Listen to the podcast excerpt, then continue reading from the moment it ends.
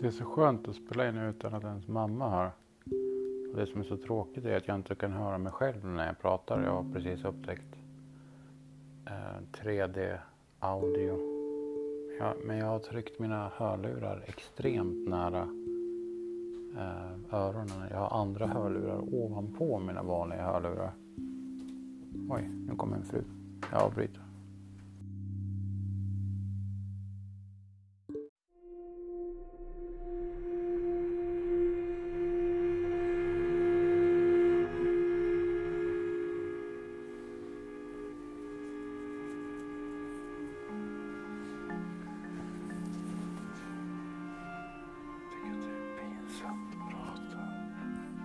Jag tycker att det är pinsamt att prata. Jag vet inte. Jag har väl ingenting ah, jag tycker det är pinsamt att prata.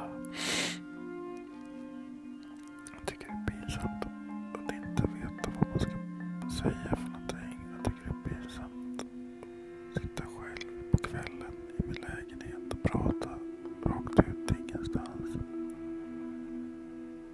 Och eh,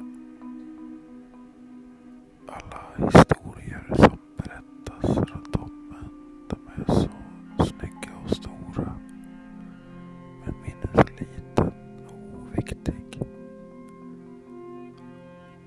Jag knappt om mig längre.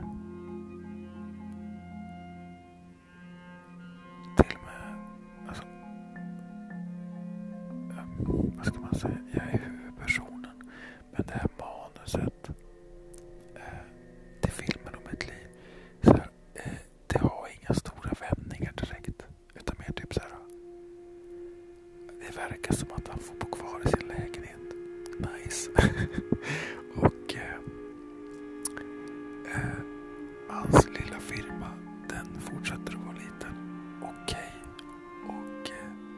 han fyllde 40 år och eh, hade fest och bjöd folk och ingen fick corona och dog. Så det är ju bra. Men det är fortfarande inte amazing. Men jag tänker det att det som är coolt med eh, våran ålder är att man börjar känna en viss respekt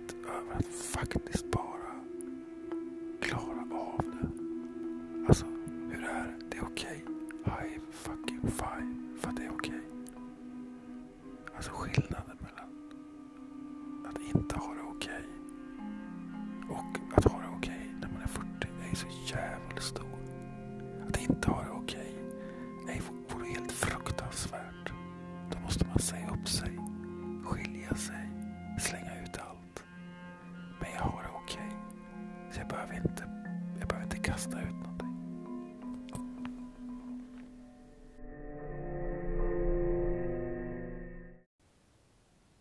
Jag fattar ju inte hur man ska kunna lägga ut något sånt här.